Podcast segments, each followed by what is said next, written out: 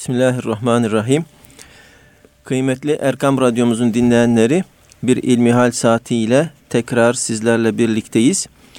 Yüce Rabbimizin selamı, rahmeti ve bereketi hepimizin üzerine olsun inşallah. Sizlerden bize ulaşan ilmihal sorularını pek muhterem hocam Doktor Ahmet Hamdi Yıldırım cevaplandırıyor. Biz de kendisine bu soruları soruyoruz. Değerli hocam bir dinleyenimiz şöyle bize bir soru göndermiş.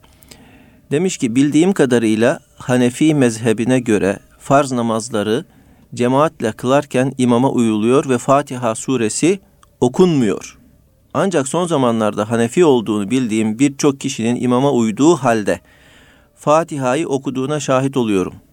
Bunu sorduğum zaman Peygamber Efendimizin Fatiha'sız namaz olmaz hadisi olduğunu bunun için okuduklarını söylüyorlar. İşin doğrusu nedir? Selam ve hürmetlerimi sunarım demiş. Evet, elhamdülillahi rabbil alemin ve salatu ve selamu ala Resulina Muhammedin ve ala alihi ve sahbihi ecmain. Kardeşimiz güzel bir konuya temas etmişler.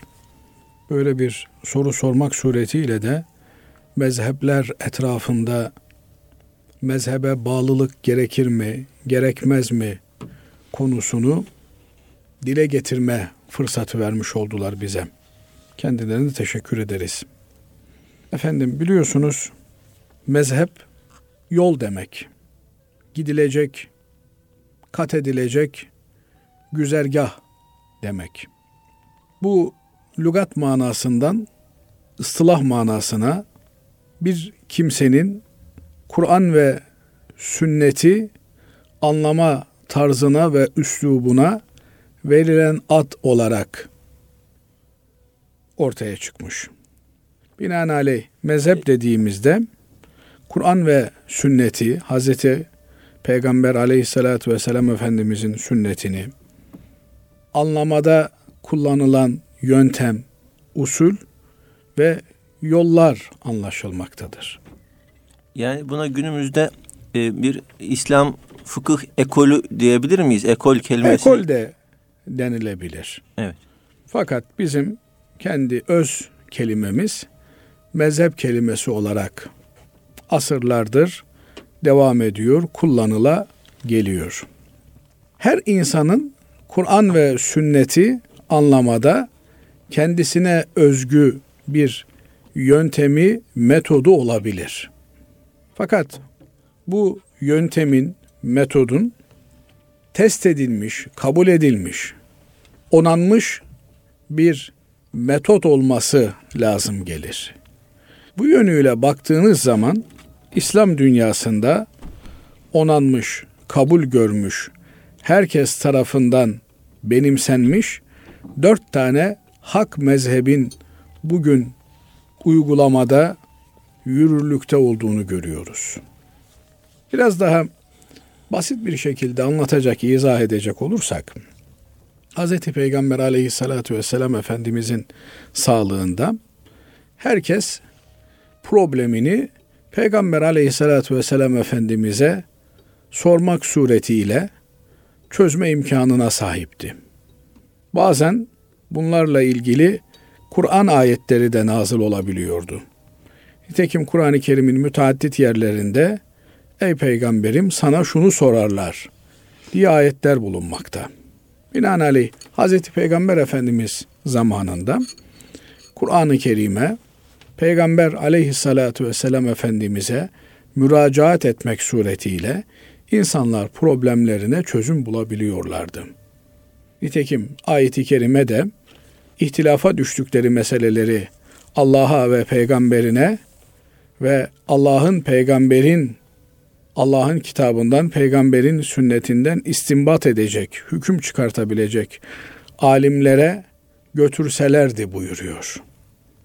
Binaenaleyh Allah'ın kitabına, peygamberin sünnetine Efendimiz Aleyhisselatü Vesselam hayattayken müracaat ediliyordu. O vefat edince onun hayatını iyi bilen, onunla beraber bulunmuş olan sahabe efendilerimiz bir problem çıktığında bu problemi öncelikle Kur'an-ı Kerim'e, Kur'an-ı Kerim'de net olarak göremedikleri hususları Efendimiz Aleyhisselatü Vesselam'ın uygulamalarına müracaatla, bu hususta da bazen kendilerinin bilmediği, çünkü her daim Efendimiz Aleyhisselatü Vesselam'ın yanında bütün sahabe efendilerimiz bulunmuyorlardı. Binaenaleyh evet. konuyla ilgili Efendimiz Aleyhisselatü Vesselam'dan bir bilgi, bir söz gelip gelmediğine dair arayıp soruyorlardı. Eğer aramaları, araştırmaları neticesinde Efendimiz Aleyhisselatü Vesselam'dan bir bilgi gelmemişse o zaman kendileri Efendimiz Aleyhisselatü Vesselam'dan aldıkları bilgi ile iştihad ediyor, istimbat ediyor. Kur'an ve sünnetten benzer hükümlere müracaat ederek yeni karşılaştıkları meselelerle ilgili çözüm arayışı içerisine giriyorlardı. Bu noktada mezhepler herkesin anlayışına göre teşekkül etmeye başlamıştı. Medine'de yedi tane tabiri caizse fetva veren sahabe efendimiz bunlar fukaha-i seba namıyla meşhur olmuş Medine'nin yedi fakihi onlar ağırlıklı olarak fetva veriyorlardı. Sonra sahabe efendilerimiz bir takım başkentlere, siyasi merkezlere hicret edince biliyorsunuz devlet idaresinin merkezine payitaht, başkent deniyor. Bir de bununla beraber yine e, bugün büyük şehir olarak adlandırılan ülkemizde o gün emsar olarak adlandırılan büyük yerleşim yerleri söz konusuydu. İşte Medine hilafetin payitahtı, başkenti ise Mekke var, Bağdat var, Şam var, Kahire var. Böyle büyük yerleşim bölgeleri var. Buralara ashab-ı kiram efendilerimiz yayılıyorlar. Küfe'ye de dört halifenin dördüncüsü Ali bin Ebi Talip radıyallahu teala an geliyor. Hilafetin merkezi de onun Küfe'ye gelişiyle Küfe'ye geçmiş oluyor. Burada da Hanefi mezhebinin tohumları şekillenmeye başlıyor. Bütün mezheplerimiz ki önceleri yüzlerce mezhep söz konusu iken daha sonraları Cenab-ı Allah'ın muradı böyle olduğundan dolayı bağımlıları kalmadığı için takip edenleri kesildiği için dört mezhep üzere bu mezhepler kalmış oldular. Ondan önce Evzaiye mezhebi, Sevriye mezhebi, Taberiye mezhebi diye farklı mezhepler, ekoller mevcut idi.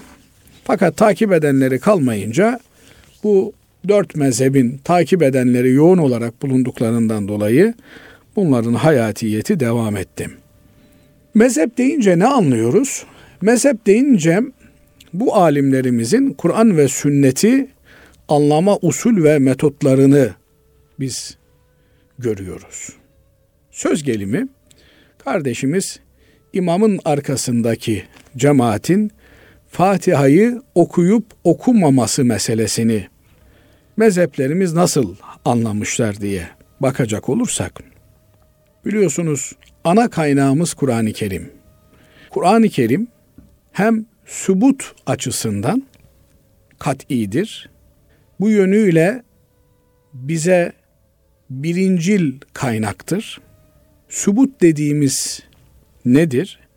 Subut bize gelişi, bizim elimizde sabit, mevcut hale gelişi itibariyle kat'i, kesinlikle hiçbir şüphe taşımayan bir metotla bize gelmiş ulaşmıştır.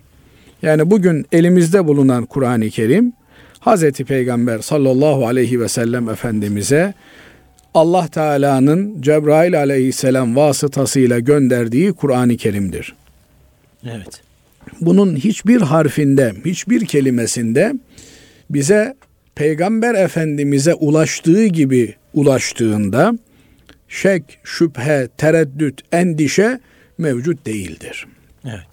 Zaten Kur'an'ın mucize oluşu da buradan kaynaklanmaktadır. Bakın dünyanın neresine giderseniz gidin, Venezuela'daki bir Müslüman da aynı Kur'an-ı Kerim'i okur, Endonezya'daki de aynı Kur'an-ı Kerim'i okur, İstanbul'daki de, Kahire'deki de, Şam'daki de, Bağdat'taki de, Taşkent'teki de aynı Kur'an-ı Kerim'i okur. Herhangi bir hafız efendi yanlış okunduğunda müdahale eder. Okuduğunuz yanlış doğrusu budur der. 5 yaşında 6 yaşında yüzlerce binlerce Kur'an-ı Kerim'i ezberlemiş hafızlarımız söz konusudur. Cenab-ı Allah Kur'an-ı Kerim'i muhafaza edeceğini, koruyacağını, garanti altına aldığını bizzat kendisi ifade ediyor. Kur'an-ı Kerim'in koruması bizim garantimizdedir diyor. Bu Kur'an'ın şeriatı olan İslam şeriatının da korunacağı anlamına gelmektedir. Yine Kur'an'ın tefsiri olan sünnetin de bir bütün olarak korunacağı anlamına gelmektedir. Çünkü biz Kur'an'ı Hz. Peygamber aleyhissalatü vesselam Efendimizin sünnetine bağlı olarak anlamakla yükümlüyüz. Zira Cenab-ı Allah Kur'an'ı peygambere beyan etmesi için, açıklaması, izah etmesi, bizim aklımızın alabileceği tarzda bize anlatması için gönderdiğini beyan ediyor.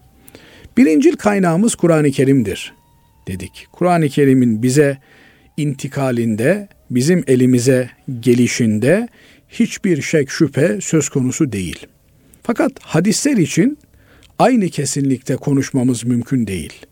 Evet Kur'an-ı Kerim'den sonraki en sağlam kaynağımız Bukhari dediğimiz Hz. Peygamber aleyhissalatü vesselam Efendimizin hadislerini toplayan bir araya getiren ve adına da Sahihul Camia adını veren Hz. Peygamber Efendimiz'den gelen sahih hadislerin toplandığı eser anlamına gelen bir ismi vermiş olan bugün de Bukhari deni diye bilinen kitap Kur'an-ı Kerim'den sonraki en sağlam kitap olarak elimizde bulunmaktadır. Fakat Kur'an-ı Kerim'den sonraki en sağlam kitap olmasına rağmen Kur'an ayarında kesinliği asla söz konusu değildir. Binaenaleyh bir ayeti kerime Kur'an-ı Kerim'de mevcut ise bunun herhangi bir şekilde anlamını daraltan veya ona farklı bir anlam yükleyen bir hadis karşımıza çıktığında biz bu hadisi ve ayeti nasıl anlayacağız meselesi imamlarımızın metot farklılığını oluşturmakta ve ayete bakışları, hadise bakışları, ayetle hadisi beraber anlama cihetiyle değerlendirmeleri onların farklılıklarını ortaya koymaktadır. Söz gelimi İmam Efendi namaz kıldırırken arkasında cemaat olarak bulunduğumuzda Fatiha'yı okuyacak mıyız? Şimdi evet. ayet-i kerime diyor ki Estağfirullah fe izâ kuri'el Kur'anu festemi'u lehu ve ansitu leallekum turhamun. Evet. Kur'an-ı Kerim okunduğunda dinleyiniz, süküt ediniz. İstemi'u ve ansitu. Evet. Dinleyiniz ve süküt ediniz diyor. Yani sessiz olun. Sessiz olun diyor. Evet. Ses çıkartmayın diyor. Kur'an okunduğunda ayet bize iki şeyi emrediyor. Bir, okunan Kur'an'ı dinleyeceğiz. İki, süküt edeceğiz. Şimdi eğer imam efendi akşam, yatsı ve sabah namazlarını kıldırıyor ise Fatiha'yı sesli bir şekilde okuyordur. Evet. Fatiha'dan sonra Zamm-ı Sure'yi de sesli olarak okuyordur. Fatiha'yı okudu, Zamm-ı Sure'yi okudu, Allahu Ekber dedi, rüküye gitti. Biz o kıraat yaparken ne yapmamız gerekiyor? Susup dinlememiz lazım. Ayet çok açık bir şekilde bize diyor ki Kur'an okunduğunda dinleyiniz. Evet. Susunuz diyor.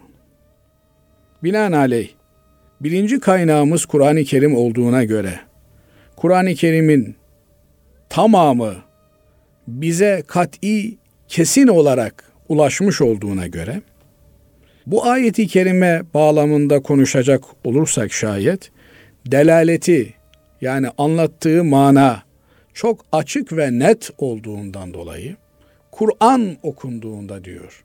Şurada Kur'an, burada Kur'an okunduğunda demiyor. Her nerede olursa olsun okunan Kur'an ise Müslümana düşen o Kur'an'ı dinlemek ve sessiz kalmaktır.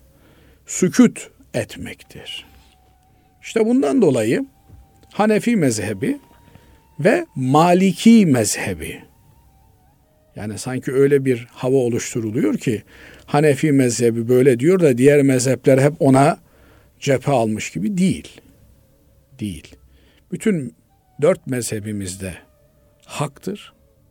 Her dört mezhepten birine uyan hakkı ve hakikati geneli itibariyle yaşar, bulur ama burada asıl olan mesele delile, ayete, hadise tabi olmaktır. Biz Ebu Hanife Hazretlerine ayet ve hadislere tabi olduğu için bize kestirmeden ayet ve hadis şablonunu gösterdiği için tabi oluyoruz. Bugün mesela biraz belki dağıtmış olacağız ama önemli bir konu. Evet. Bir adam işte cep telefonu kullanıyoruz hepimiz değil mi? Evet. Bu cep telefonunun çalışma mantığını biliyor muyuz? Bilmiyoruz. Bilmiyoruz. Yani bilenlerimiz vardır elbette ama ben bilmiyorum. Yani zil çalınca yeşile basıyorum. Kapatmak istediğim zaman da kırmızı tuşuna basıyorum. Konuşmayı bitiriyorum. Benim cep telefonunun çalışma mekanizmasını bilmiyor olmam, onu kullanmama mani değil. Binaenaleyh Hanefi mezhebinin e, mezhep mekanizmasını bilmiyor olmam, benim Hanefi mezhebinde Ebu Hanife'nin keyfine tabi olduğum anlamına gelmiyor. Ebu Hanife rahmetullahi aleyh ve yine onun gibi İmam Şafii, Ahmed İbni Hanbel, İmam Malik bunlar hepsi başımızın tacı, büyük insanlar, büyük alimler. Adlarını anarken tir tir titrememiz gereken insanlar. Bunlar böyle biz işte böyle e, şey gibi futbolcu ismi okur gibi okuyoruz ama öyle değil. Bunlar dev insanlar. Bunlar Allah'ın özel seçtiği insanlar. Büyük yük yüklenmiş olan insanlar. Şimdi bu Hanife Hazretleri diyor ki ayet burada açık olduğu için diyor ben imam kıraat yaparken arkada sessiz olarak dinlemekle sükut etmekle yükümlüyüm diyor. Evet. Tamam. Evet, yani e, böyle bir hadis var. Fatihasız namaz olmaz hadisi var. Evet ama var. Ondan üstün bir Kur'an ayeti var. Hayır hayır. Yani elbette Kur'an ayeti hadisten üstün de. Evet. O anlamda demiyoruz. Nasıl diyoruz? Burada biz şunu anlamaya çalışıyoruz öncelikle. Böyle bir ayeti kerime var. Bu ayeti kerime bizden ne istiyor? Evet. Fatiha okunduğunda sükut edin dinleyin diyor. Sonra Fatihasız bizim namaz Fatihasız namaz değil ki İmam Efendi okuyor Fatiha'yı. Evet. Bu namaz cemaatle kılınan namaz. Bireysel namaz değil.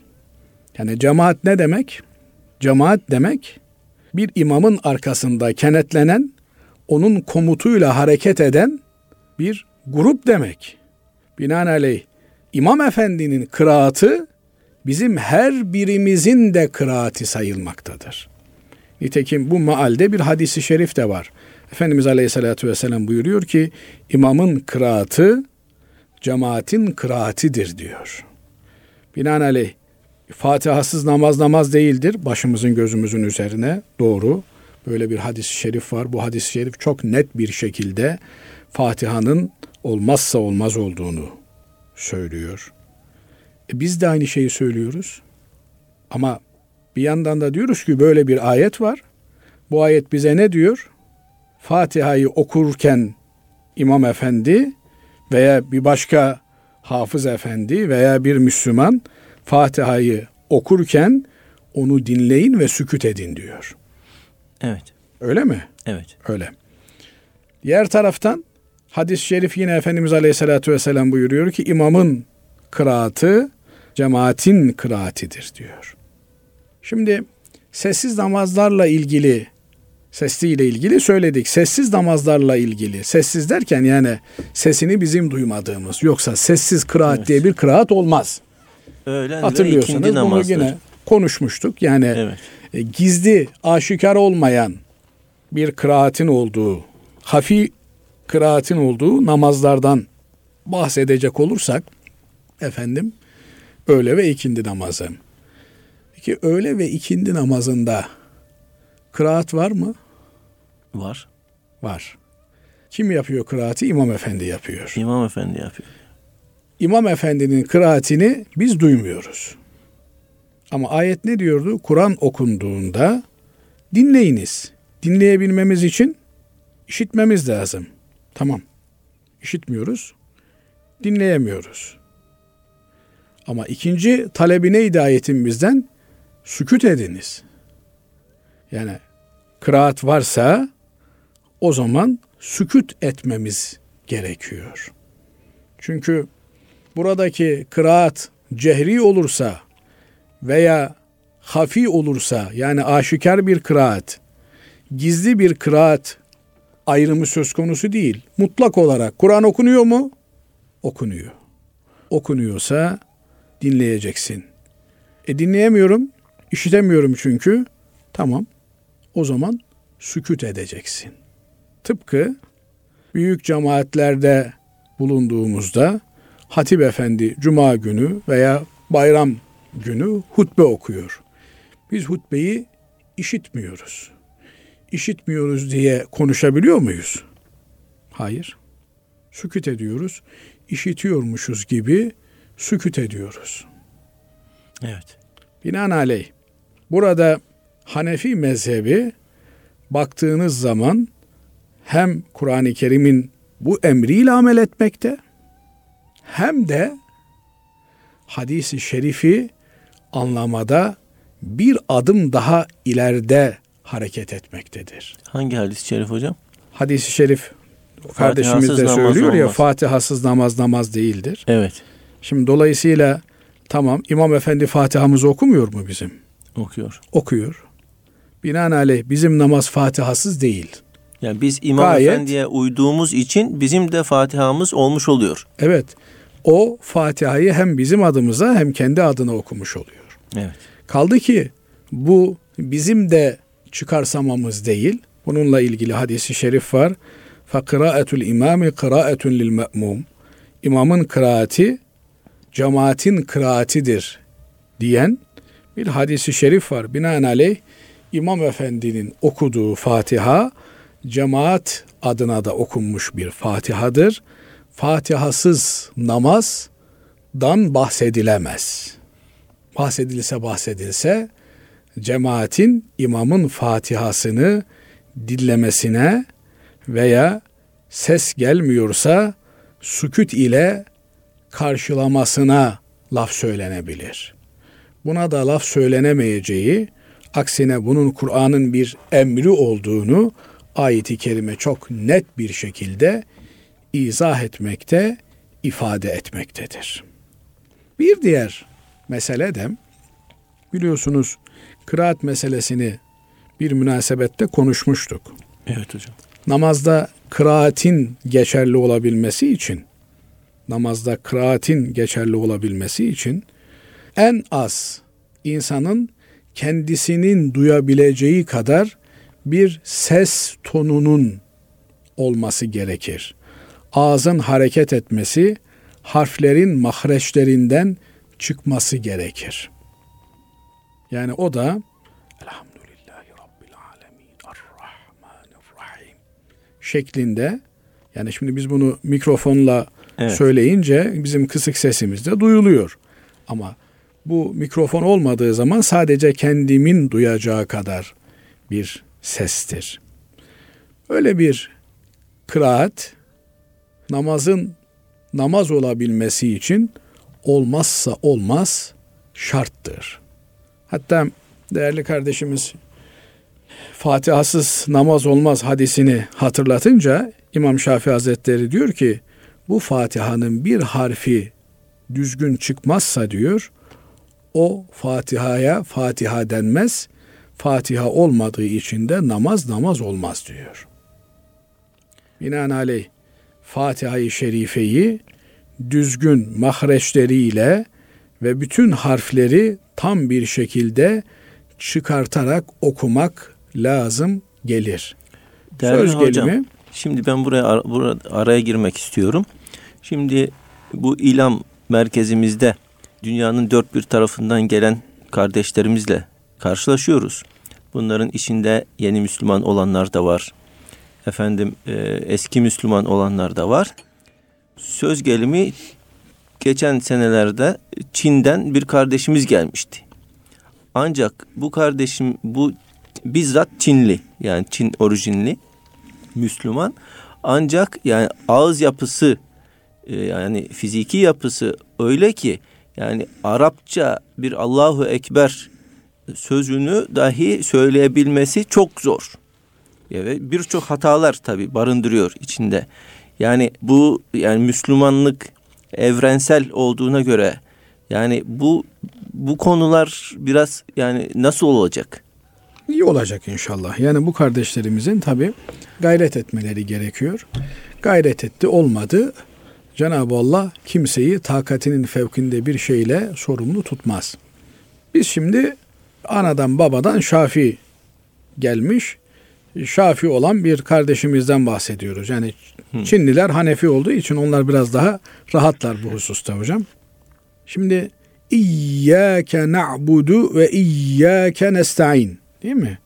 İyyâke diye şeddeyi çıkarmasa, İyyâke dese bir yayı okumadığından dolayı Şafi olan kardeşimizin Fatihası olmamış sayılır.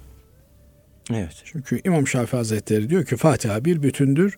Bir harfini bile çıkartmasanız o zaman eksik olur. E, eksik olmuş olur. Evet. Hanefi Hazretleri nasıl bakıyor? Fatiha bir bütündür diyor. Yani genelde Fatiha suresini okumuşsa bir adam bir harfinin bir telaffuz hatasının burada namazın sıhhatine mani bir durumu söz konusu olmaz diyor. Yani bardağın dolu tarafına bakıyor tabir caizse. İkisi de bardağın dolu tarafına bakıyor. Bu teşbihler bir, bir takım yanlış anlaşılmalara neden olabilir. Evet. Bunu şunun için söylüyorum. Bugün işte 2 milyar Müslüman nüfusu olduğunu düşünürsek bunların 500 milyonu yani dörtte biri Şafi. Bu dörtte bir 500 milyon Şafi kardeşimizin içerisinde kaç tanesi Fatiha'yı düzgün bir şekilde okuyabilme imkanına sahip? Evet.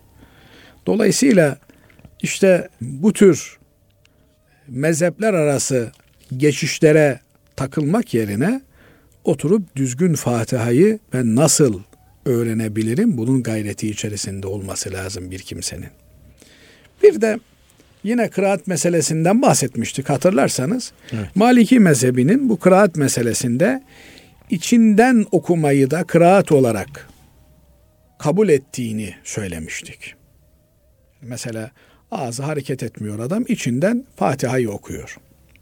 Ses çıkmıyor. Hmm. Bu üç mezhebe göre kıraat değil. Böyle bir kıraatle kıraat olmaz. Ama bu kardeşimiz illa da Fatiha'yı ben de okuyacağım diyorsa o zaman içinden sessizce takip etsin. İmamla beraber takip etsin. Takip nasıl olacak hocam? Yani imam elhamdülillahi rabbil alemin dediğinden o da içinden elhamdülillahi rabbil alemin desin sesini çıkartmadan. Ağzını hareket ettirmeden. Bu da Maliki mezhebine göre kıraat yerine geçmiş olur.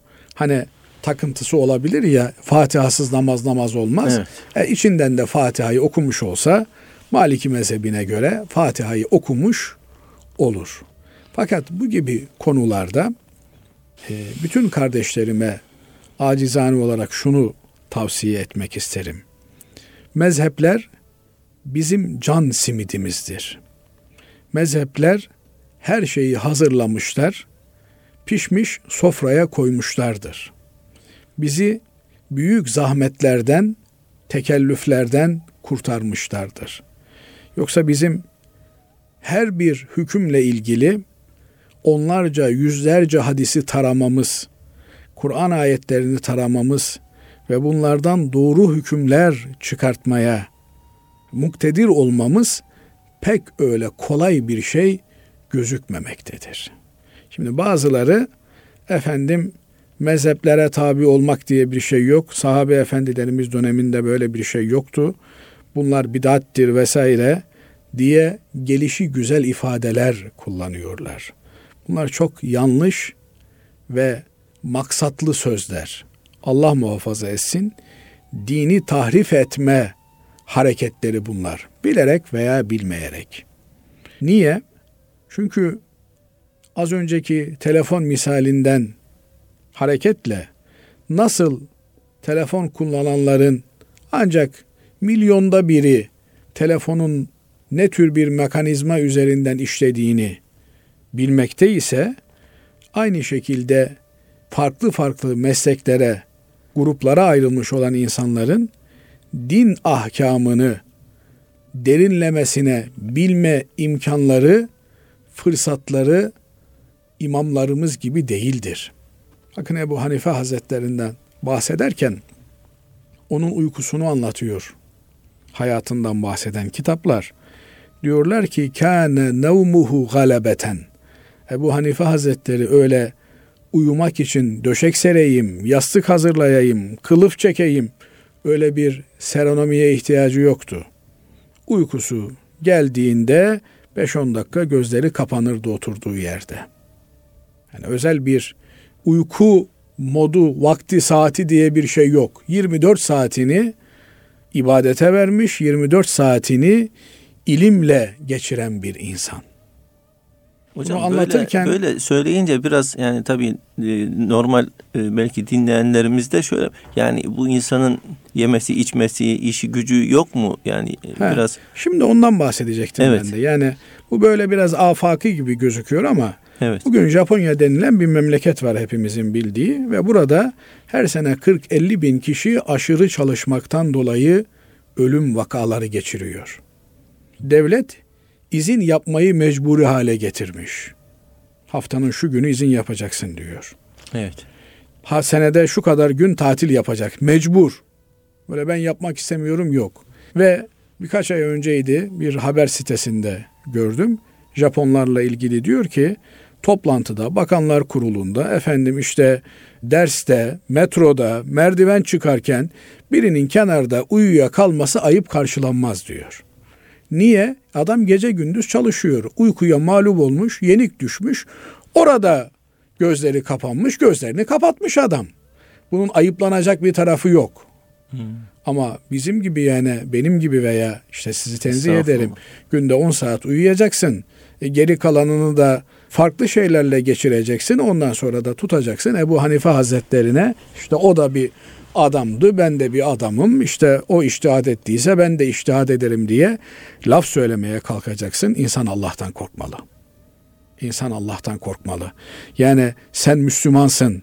Sen aleyhissalatü vesselam Efendimizin Fatihasız namaz namaz değildir hadisini bildin, ürktün, korktun, endişeye kapıldın, çekindin.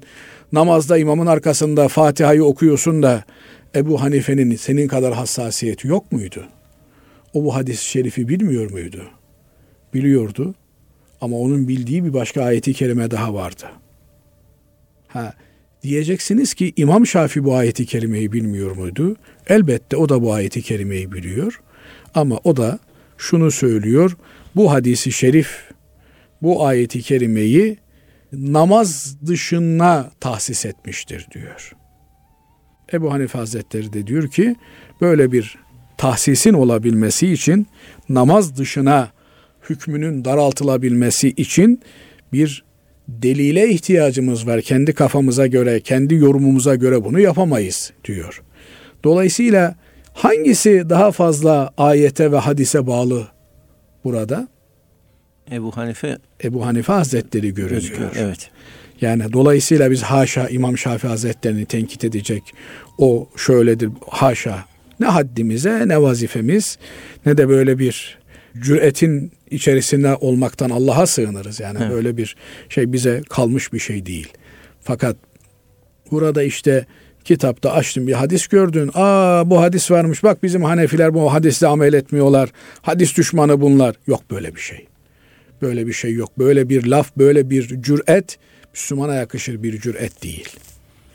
Dolayısıyla biz nerede bulunuyor isek, Türkiye'de isek, Türkiye'nin efendim doğu, güneydoğusu, güneydoğu ağırlıklı olmak üzere Şafi mezhebinin ağır olduğu, hakim olduğu bölgedir. Onun dışında Hanefi mezhebinin hakim olduğu bir bölgedir.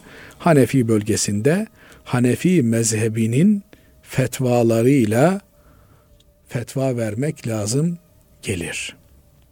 Evet. Binaenaleyh o mezhep öyleydi, bu mezhep böyleydi diye ortaya karışık yapmaya kalkarsak Allah muhafaza etsin neticenin bizi nereye götüreceğini kestiremeyiz. Binaenaleyh mezhebimiz ne diyorsa onu yapmak en aklı selim olan davranış olur. Cenab-ı Allah ibadetlerimizi kabul buyursun. Amin. Allah razı olsun değerli hocam.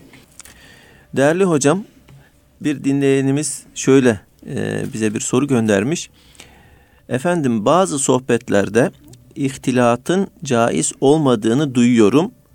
İhtilat ne demektir ve neden caiz değildir? Teşekkür ederim demiş. Evet, güzel bir soru sormuş kardeşimiz. İhtilat Arapça bir kelime. Karışık, karıştırma anlamına geliyor. Bundan maksat da yabancı kadınların, erkeklerin bir mekanda birbirlerini görecek, seyredecek şekilde oturmaları kastediliyor. Yabancı Efendim, derken yurt dışından yani, mı gelmiş hocam yoksa? Yani yurt dışından da gelebiliyor bu yabancılar. Evet. Karşı komşudan da gelebiliyor.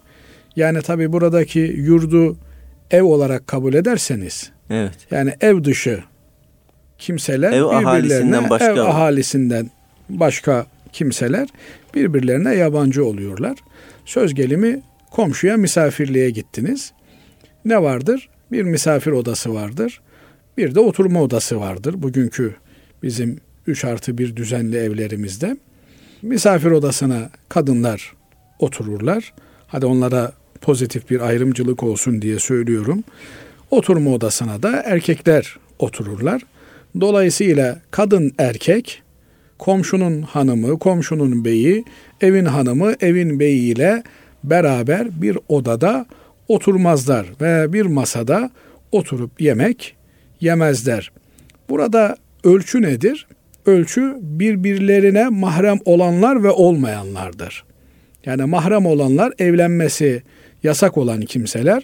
Bunlar işte bir kimsenin annesidir, ablasıdır, kardeşidir, yeğenidir, halasıdır, teyzesidir vesaire. Bunlarla beraber oturabilir, yemek yiyebilir, sohbet edebilir, konuşabilir. Ama evlenmesi caiz olan, yani caiz olmak başka bir şey, evlenmek ayrı bir şey. Evlenilmesi caizdir de siz evlenmezsiniz. O ayrı bir mesele.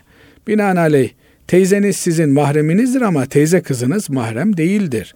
Amca kızınız mahrem değildir. Dayı kızınız, hala kızınız mahrem değildir. Komşu kızı, komşu hanımı mahrem değildir. Bu tür kimselerle bir arada bulunmamaya dikkat etmek, özen göstermek gerekir.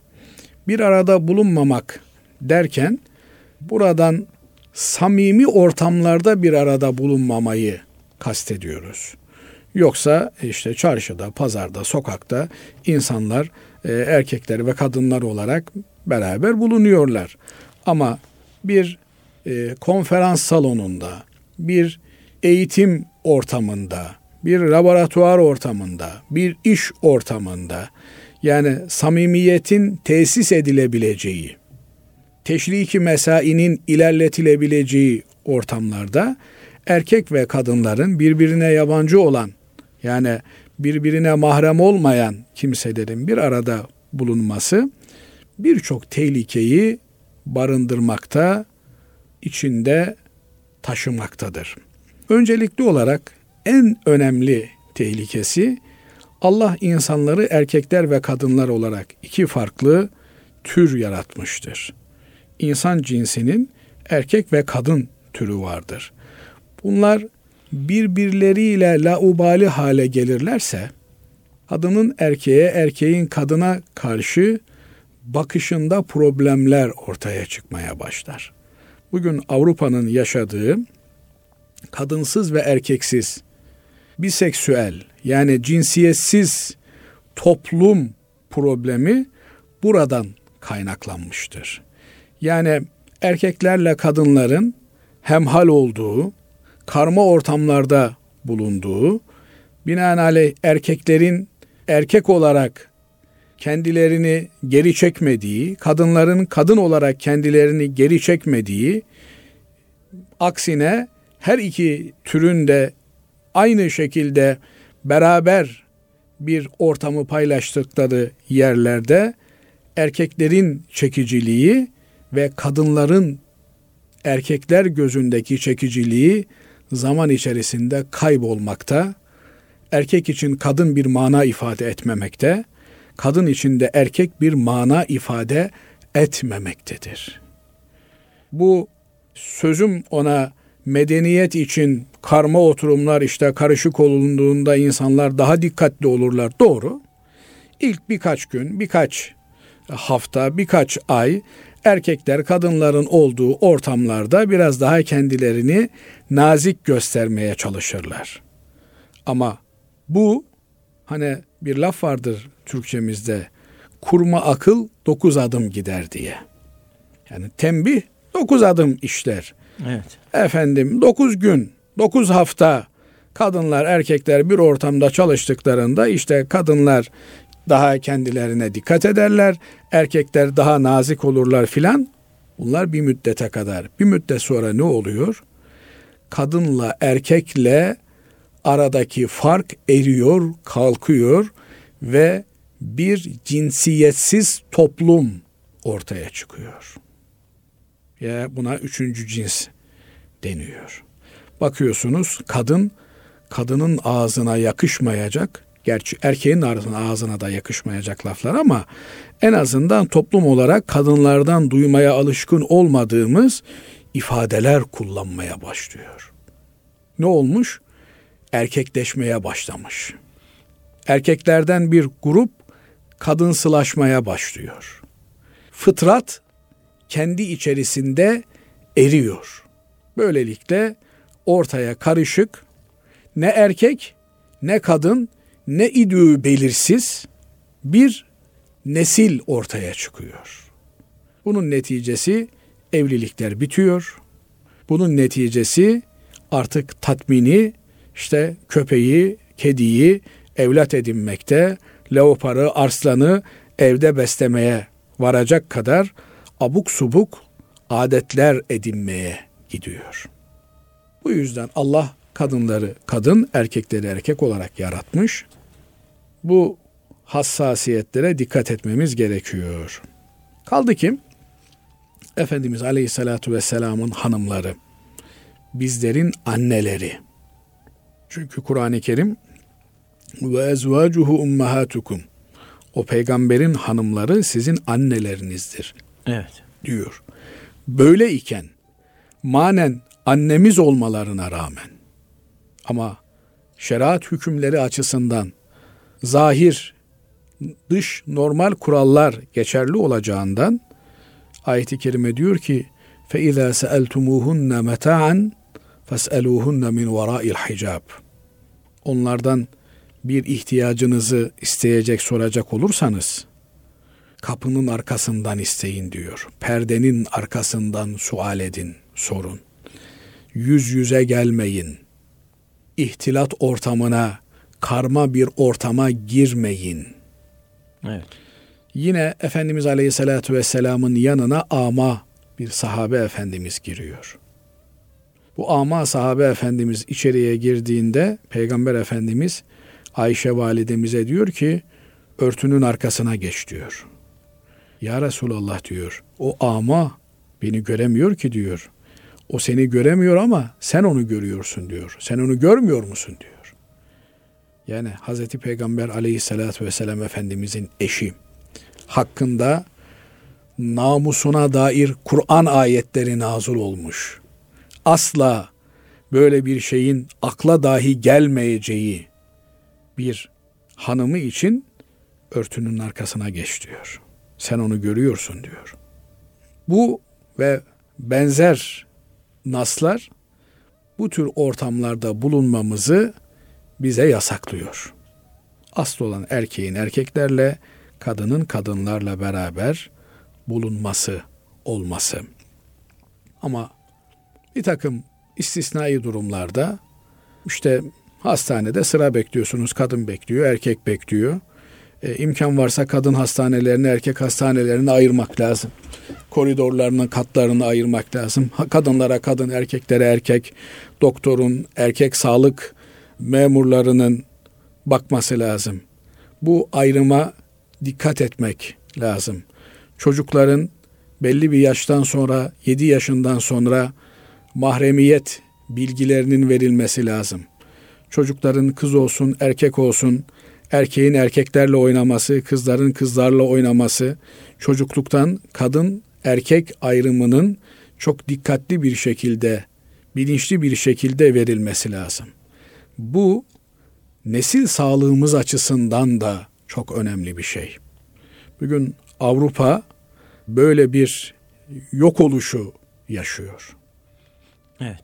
Binaenaleyh bizim mutlak surette Rabbimizin emirlerine, şeriatına uygun hareket etmemiz lazım.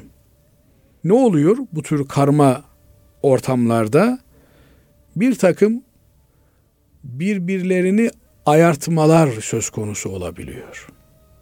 Yani ben çok yakinen bildiğim çarşaflı bir aileyi çarşaflı başka bir e, hanım bir şekilde işte arabasında beraber giderken dükkanına uğrayıp çıkarken adamcağız koca hanımından ayrıldı gitti bir, o kadınla yeni bir evlilik yaptı. Dolayısıyla bu tür ortamlarda ister istemez kadınlar rol yapma, kendini beğendirme, güzel, süslü görünme ihtiyacını hissetmekte. E, kendi hanımı 24 saat bir insan süsüyle duramayacağı için e, gündüz süslendiği gece e, süsle püsle kalamayacağı için binaenaleyh zannediyor ki gündüz gördüğü o yapmacık suratlar hakiki portrelerdir. Onları akşam evinde bekliyor, hanımında bekliyor. Hanımsa o yapmacık gülücükleri, iltifatları akşam kocasından bekliyor. Maalesef gündüz bunlar tüketildiği için de akşam eşler birbirlerine karşı o nezaketlerini kaybediyorlar. Beraberinde de aile yuvalarının dağılması gibi feci, korkunç şeyler meydana geliyor. Oysa kadının evinde özenle kocasını beklemesi, onun için hazırlık yapması, adamın da gündüz gözünü her türlü haramdan koruyup, her türlü yasak ortamlardan uzak durup, akşam helaline kavuşmak için özenle sabretmesi gerekir. Bu sabrın neticesinde akşam karı koca mutlu mesut bahtiyar bir hayat yaşamak varken gündüz yapmacık, formel, resmi bir takım birbirine şirin görünme gayretleri bütün performanslarını ellerinden aldığı için akşam yorgun argın bir ceset gibi kalmakta insanlar. Bu da çok ağır sosyal yaralar açmakta. Onun için mutlak surette Rabbimiz şeriatıyla yükümlülüğü erkeklere yüklemiş. Kadınların hiçbir çalışma yükümlülüğü yok. Müslüman toplumun çalışmak durumunda olan kadınlara yardım etmesi Allah'ın emri. Kadın kendini boş yere iş dünyasında heder etmemeli. Kendini, kimliğini kaybetme pahasına sergilememeli. Onun yerine çoluğuyla çocuğuyla mutlu, huzurlu bir aile yuvası kurmanın, Rabbine kul olmanın endişesini yaşamalı. Evet Cenab-ı Allah kadınlara, erkeklere çalışmayı emrediyor ama Allah'a kul olma noktasında çalışmayı emrediyor. Evet. Allah razı olsun değerli hocam. Şimdi diğer bir soruya geçmek istiyorum. Bu biraz da biraz gündemle alakalı olmuş. Seçimlerde oy kullanmamanın vebali var mı diye sormuş bir dinleyicimiz. Asıl hocam olan olmuş, biten bitmiş artık. Bundan sonra geriye dönük vebali aramanın lüzumu yok. Bu ileriye yok. dönük de olabilir hocam. Yani bundan sonrası. Şimdi hayat hep seçimden ibaret. Hiç tercih yapmadığımız bir an yok. Binaenaleyh seçim demek sandık başına gidip bir zarfı sandığın içerisine atmak demek değil. Seçim demek bir tercih demek. Siz ya tercihinizi Müslümanlardan yana, Allah'ın dininden yana yapıyorsunuzdur ya da şeytanın safında yer alıyor, Allah düşmanlarından yana bir tercih yapıyorsunuz demektir. Binaenaleyh seçim yapmamak, tercih yapmamak diye bir şey söz konusu değil. Müslümanların her halükarda söyleyecekleri bir sözleri vardır. Her halükarda takınacakları bir tavrı vardır. Şimdi deniyor ki laik demokratik bir ülke, laiklik demek dinsizlik demek. Böyle bir ülkede oy kullanmak dinsiz bir rejimi onaylamak anlamına gelir mi? Bunu geçen sohbetlerimizden birinde de anlatmıştık. Yani bir sözün uzantıları o sözü söyleyeni bağlamaz. Veya bir tercihte bir eylemde bulunmak, o eyleme yüklenecek uzantı anlamları, manaları o eylemin failine yüklemez. Söz gelimi bir adam imam efendiyi öldürmüş. Evet. Sen imamı öldürdün. İmam Allah'ın dinini temsil ediyor. Dolayısıyla sen Allah'ın dinini öldürdün diye imamı öldüren bir kimse gavur diye yaftalanmaz. Evet, Müslüman bir Müslümanı öldürmez. Ama bu verdiğim misali şunun için verdim. Yani adam imamla ticari bir meseleden dolayı evet ihtilaflı olmuş. Ondan dolayı öldürmüş. Adamı dininden, imanından dolayı öldürmemiş. Binaenaleyh olayı götürüp de din iman meselesine dayamak doğru değil. Kaldı ki Efendimiz Aleyhisselatü Vesselam müşrik, Allah tanımaz, Allah'a şirk koşar, bir toplumda peygamberlik vazifesini ifa etmeye başladı. Yine Yusuf Aleyhisselam Firavun düzeninde, rejiminde bakanlık vazifesi ifa etti, icra etti. Evet. Dolayısıyla siz Müslüman olarak bulunduğunuz her pozisyonda, alanda kullanacağınız tercihinizi Müslümanlardan yana mı, gavurlardan yana mı tabiri caizse kullanacaksınız? Hayırdan yana mı, şerden yana mı kullanacaksınız? Ha, biri ak demeyi hayır olarak görür, öbürü al demeyi hayır olarak görür. Bazen iki Müslüman birbirine zıt tercihlerde bulunabilir. Bu gibi durumlarla ilgili biz diyoruz ki bu bir iştihat meselesi ise doğruyu yapan iki sevap alır, yanlışı yapan bir sevap alır. Yeter ki niyeti, maksadı Müslümanların hayrın, iyiyin, güzelin desteklenmesi olmuş olsun. Tercihini milletin, memleketin, dinin, diyanetin hayrından yana kullanmış olsun. Ha biri öyle der, biri böyle der. Eğer öyle diyen de, böyle diyen de hedefine ben hayrı destekleyeyim almışsa ikisi de sevap kazanır. Evet.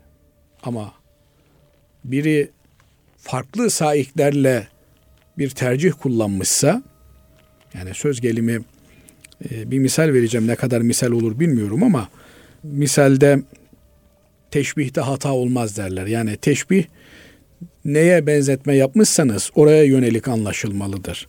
Şimdi bir adam namaz kılarken kıbleye dönmesi lazım. Kıbleyi bilmiyorsa araştırması lazım. Ama ne fark eder canım orası da burası da her yer Allah'ın yeri deyip bir yere doğru dönse bu adamın imanından şüphe edilir. Velev ki o döndüğü yer kıble olmuş olsun. Ama biri araştırdı, taradı, baktı ki kıble burası olması lazım dedi. Kıbleye sırtını döndü. Namazı kabul mü? Kabul. Niye? Elinden gelen araştırmayı yaptı. Ben de bir Müslüman olarak araştırdım, taraştırdım. Kanaatim efendim bu tercihte şu istikamette oldu. Bir başka Müslüman da o da araştırdı, taraştırdı. Tercihte kanaati farklı istikamette oldu. Eğer her iki tarafta kıbleye dönmeye niyet etmişse namazları sahihtir, geçerlidir. Allah kabul etsin. Evet. Ama kıbleye değil de Roma'ya dönmeyi, Paris'e dönmeyi, Bükreş'e dönmeyi niyetlerine koymuşlarsa döndükleri cihet kıble de olsa onlar kıbleye dönmüş sayılmazlar. Namazları da kabul olmaz. Evet. Cenab-ı Allah hayatımızda bütün tercihlerimizi dinimizden yana yapabilmeyi bizlere nasip eylesin. Amin. Yani iki evet. iş teklif ediliyor size Basri Hocam. Evet. Birinde 10 bin lira maaş alacaksınız. Birinde 3 bin lira geçinebileceğiniz kadar maaş alacaksınız. Ama birinde diyor ki size adam ben mesai saatleri içerisinde namaz kılamazsın. Evet. Güle güle kardeşim işin de senin olsun, paran da senin olsun, hatta lanet olsun. O 3 bin liralık işte hatta aç kalmaya, susuz kalmaya razıyım. Ben tercihimi dinimden tarafa kullanırım. Yani hayatımızda asıl olan din olmalıdır. Diğer şeyler fer'idir. Yani daha sonra gelir. Evet. İkisini de birleştirdiğimiz anda ne güzel elhamdülillah. Evet. Aynen evet. buyurduğunuz gibi. Ne güzel özetlediniz hocam. Allah razı olsun. Estağfurullah. Değerli hocam bir sorumuz daha var. Programımıza son vermeden önce onu da sormak isterim. Selamun aleyküm demiş değerli izlenimiz. Aleyküm selam. Efendim ümmet ne demektir? Ümmet kelimesinin anlamında fıkhi bir boyut var mıdır? Bunu isterseniz haftaya konuşalım Basri Hocam. Çünkü en uzun anlatılması gerekeni en sona bıraktınız. Öyle mi? Peki. İsterseniz haftaya hocam, konuşalım. İnşallah. Evet. O zaman e, zaten programımızın sonuna doğru yaklaşmış olduk. Kıymetli Erkam Radyomuzun dinleyenleri hocamızın da görüşü doğrultusunda bu soruyu bir hafta sonraki programımızda e, inşallah soralım ve onunla başlayalım. Hepinizi Allah'a emanet ediyoruz efendim. Hoşçakalın. Görüşmek dileğiyle.